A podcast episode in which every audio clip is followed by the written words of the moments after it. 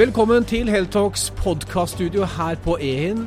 Det er Norges største helsekonferanse. Nå går av stabelen over to dager her i Oslo Spektrum.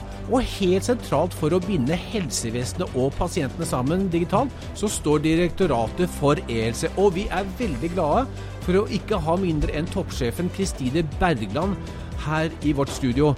Hjertelig velkommen skal det være, Kristine. Tusen takk.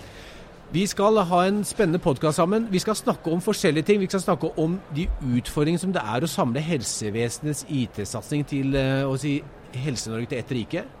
Hva har vi fått konkret til på de årene dette er jobbet med, og hva gjenstår ikke minst for at uh, vi kan ha en løsning som vi kan være bekjent av.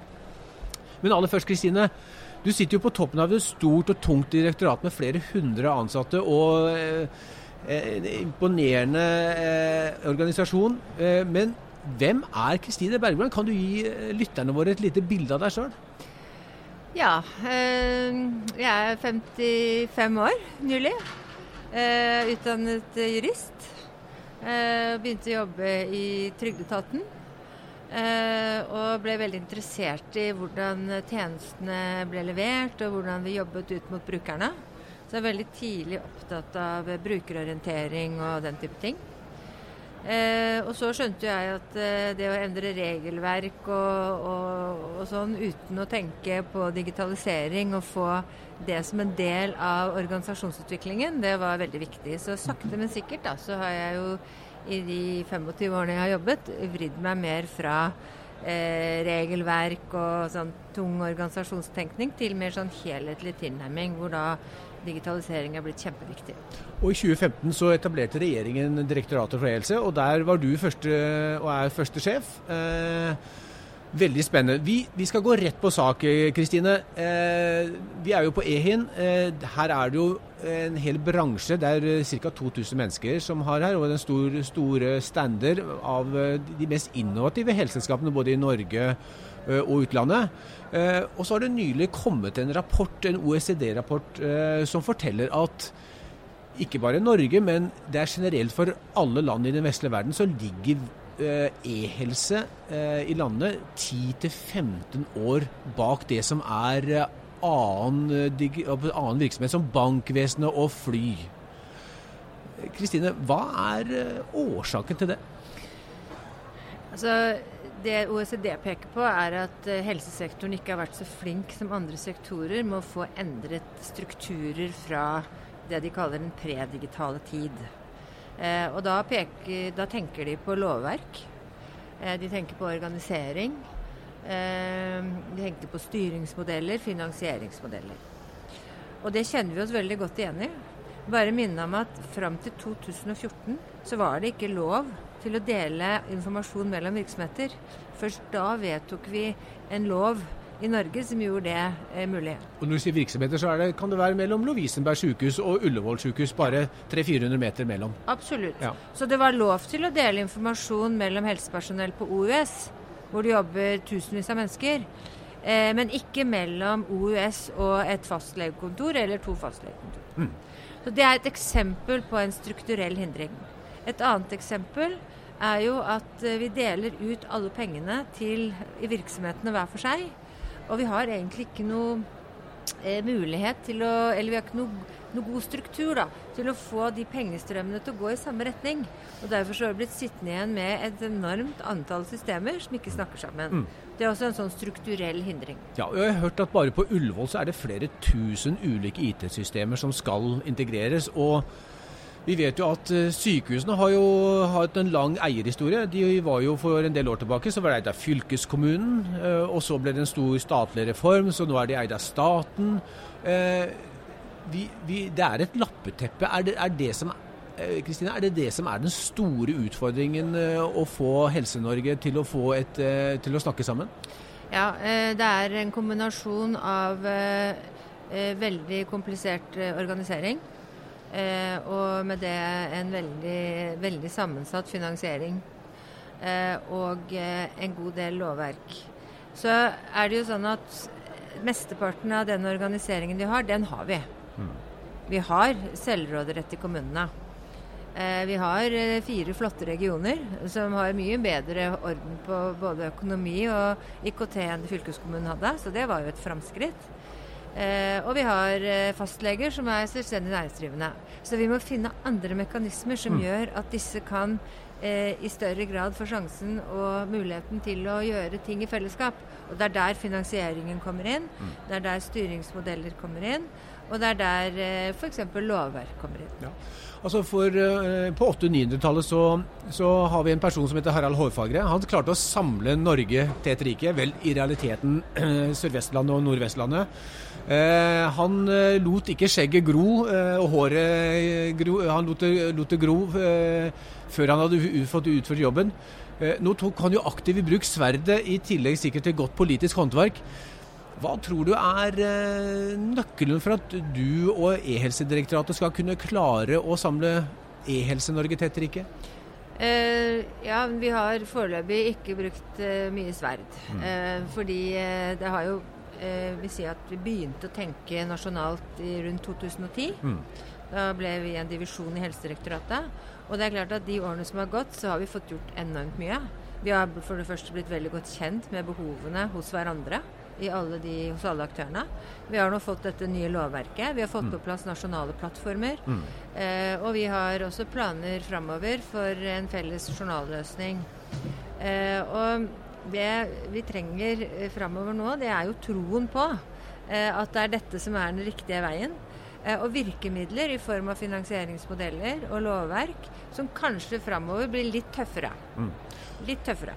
Så den tiden eh, E-helsedirektoratet for e-helse har holdt på, altså siden 2015, eh, la oss bare ta fort nå historien. Hva er det som har skjedd på e-helseområdet siden da? Jeg tenker vi begynner i 2010, for da ble det en divisjon i Helsedirektoratet. Mm. Og så kom det en stortingsmelding i 2012 mm. som heter 'Én innbygger, én journal', og som hadde tre eh, krav. Og det er at både innbygger, helsepersonell og forskere og andre skal kunne eh, få tilgang til informasjon og tjenester.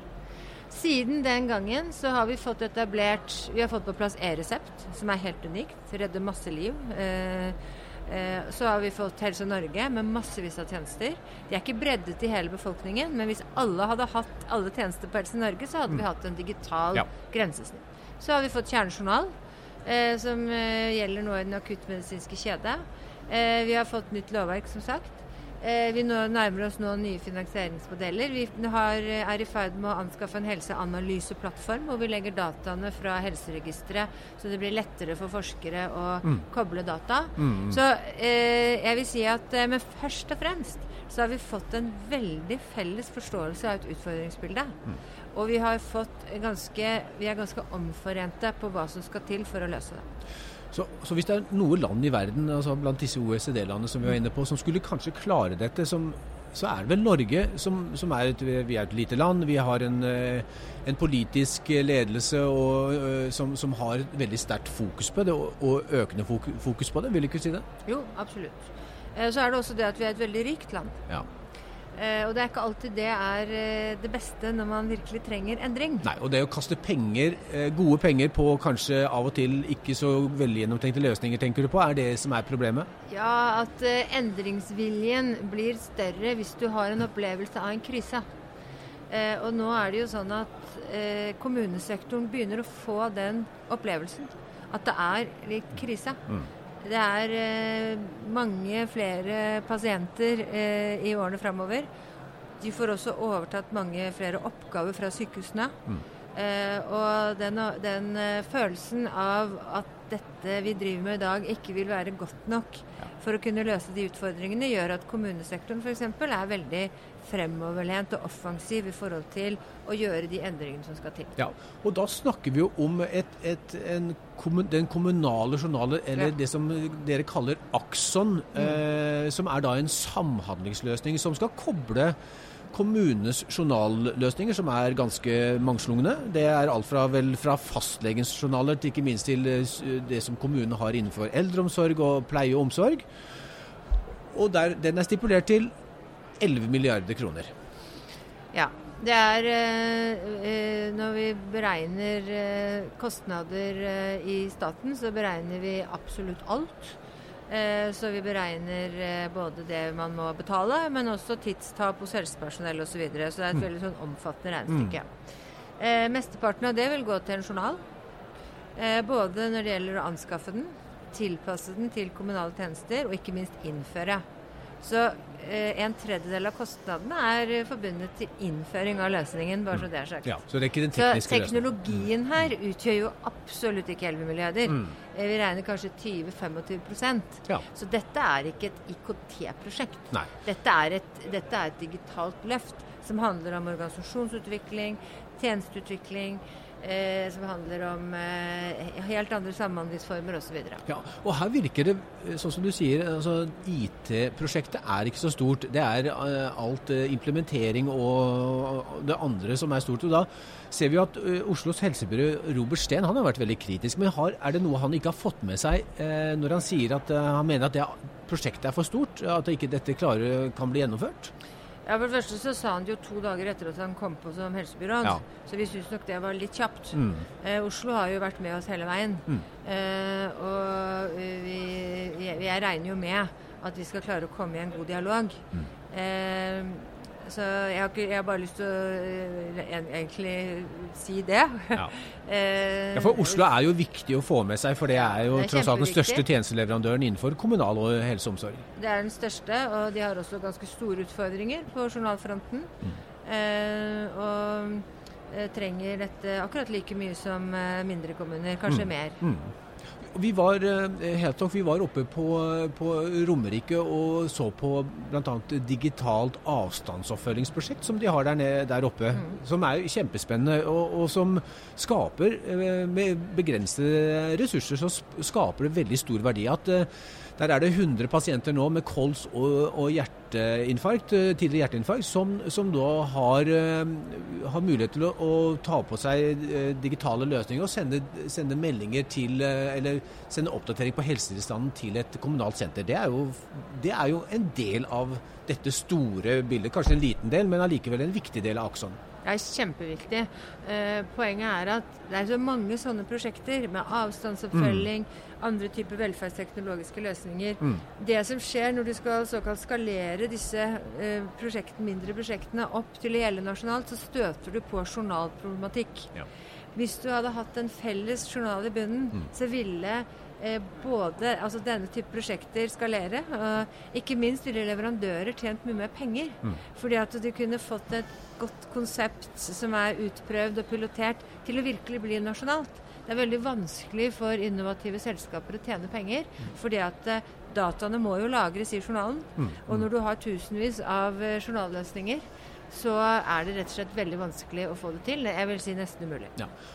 Når vi kikker ut av vinduet her på podkaststudioet vårt, så ser vi jo en rekke av leverandører, eh, internasjonale og norske, som helt sikkert har lyst til å være med på Akson. Det er, eh, vi, vi, har Dips, vi har Epic, vi har Cerner osv. osv. Eh, hva vil du si til de? Når, når er det anbudet skal ut? Når er det de kan begynne å kvesse pennene sine? Vi skal levere et forprosjekt eh, nå i første kvartal neste år. Mm. Så skal det være en kvalitetssikring, så skal du ha en regjering- og stortingsbehandling. Mm. Så hvis vi er superraske, eh, da vil jeg bare si da skal alt gå, så er vi i 2021 Mm. uh, ute i markedet med en, uh, en anskaffelse. Og så tar jo den sin tid. Og da vil jeg bare understreke at de selskapene du nevner nå, det er jo i hvert fall eh, Epic og Cerner, men for så vidt også Dips. Det er Mm. Ja. Eh, det er ikke sikkert at vi skal ha det. Mm. Eh, vi håper jo at markedet vil kunne slå seg sammen med flere systemer f.eks. og komme med et tilbud. Mm. Her må, her, apropos strukturelle endringer, altså her må leverandørene tørre å tenke nytt. Eh, det er veldig, eh, om ikke umulig, for en liten leverandør å ta hele den kontrakten. Ja. Men det er ikke umulig for en mindre leverandør å være med i en, eh, et, eh, et konsept. Ja, ikke sant? Og hva, hva vil den, sett fra Direktoratet for e-helse sin side, hva vil være den ideelle sammensetningen av kompetanse og, og tjenester i eh, de ulike leverandørkonstellasjonene som du nå snakker om? Ja, Det må jeg være veldig Ja. forsiktig med å si noe om, for Mm. det er typisk noe markedet må få lov å finne ut av selv. Ja. Men det er bare det at eh, vi eh, er jo stadig ute i anskaffelser og ser jo at eh, det er litt grann traust i måten vi tenker på når vi får tilbud. Mm. Eh, sånn at eh, det, må, det, skal vi virkelig prøve å legge opp til. da. Ja. Eh, og det er uansett flere anskaffelser. Det er ikke bare, altså Én ting er selve journalen, du skal også ha sikkerhetsløsninger, du skal ha mm. samhandlingsløsninger. Mm. Sånn at det er jo en, en, flere, men det er nok en litt større knyttet til selve journalløsningen. Ja, så Nå sier du at eh, tidligst i 2021 en gang så, ja. så, så går anbudet ut, og da har jo disse aktørene som vi nå har bak oss, eh, de har jo relativt god tid da, til å, å sette, slå sine kloke hoder sammen og komme og begynne å tenke på hvordan de skal posisjonere seg. Absolutt. Og én ting er å posisjonere seg i forhold til en kontrakt på journal. Mm. Men en annen ting er den enorme muligheten du har til å kunne levere lettere IT-løsninger på toppen av journalen. Mm. Sånn at man må jo ha flere strategier i hodet framover nå. Mm, mm. Alle de som er her i dag eh, på, av leverandører, de kan så mye om helse. Og, vi, og, og vi, vi, trenger dem for å utvikle tjenesten. Men det er ikke gitt at vi trenger akkurat de produktene de har i dag. Det er jo det som er det spennende nå, å se på hvordan vi kan legge til rette for en bedre leverandørindustri ja. av ulike typer løsetjenester. Spennende. Vi nærmer oss slutten, Kristine. Men i Trøndelag så holder dere på å gjennomføre et, et, stort eh, prosjekt, som er kanskje et Mini-Norge, eller et Norge miniatyr av en, en IT-løsning. altså Hvor man prøver å Dere slår sammen hele helsevesenet i, i, i Trøndelagskommunene. Altså fra, alt fra kommune til sykehus. Det er det Epic som har vunnet jobben. Hvordan, hvordan går den, eh, det prosjektet? Det er Helse Midt sammen med Trondheim kommune særlig som uh, kjører det. Og vi er tett på og bidrar med bl.a. felles terminologi, som jeg nevnte i sted. Mm. Så du har et språk i maskinen, og ikke må oversette Epic til norsk, eller til trøndersk. Uh, det går bra. De har tegnet kontrakt. det er stort, og det vet de. Og det virker, virker som dette er i good shape. Men såpass store endringsprosesser som de skal gjennom, så pleier jo jeg å si at det, det er ikke sånn at det, er, det blir vill jubel hele tiden. Mm. Det er alltid tungt mm. å komme med noe nytt mm. ut i en veldig travel sektor. Mm. Så de skal gjennom en fase snart, når de begynner innføring, som er tung. Det er bare om å gjøre å få den til å bli så kort som mulig. Veldig spennende, Kristine. Det var veldig hyggelig og nyttig og interessant tror jeg, for veldig mange av våre lyttere her ute til å høre hva du, har, og, eh, og du hadde å si. Vi eh, takker for følget og ønsker lykke til i det gode og viktige arbeidet ditt. Tusen takk.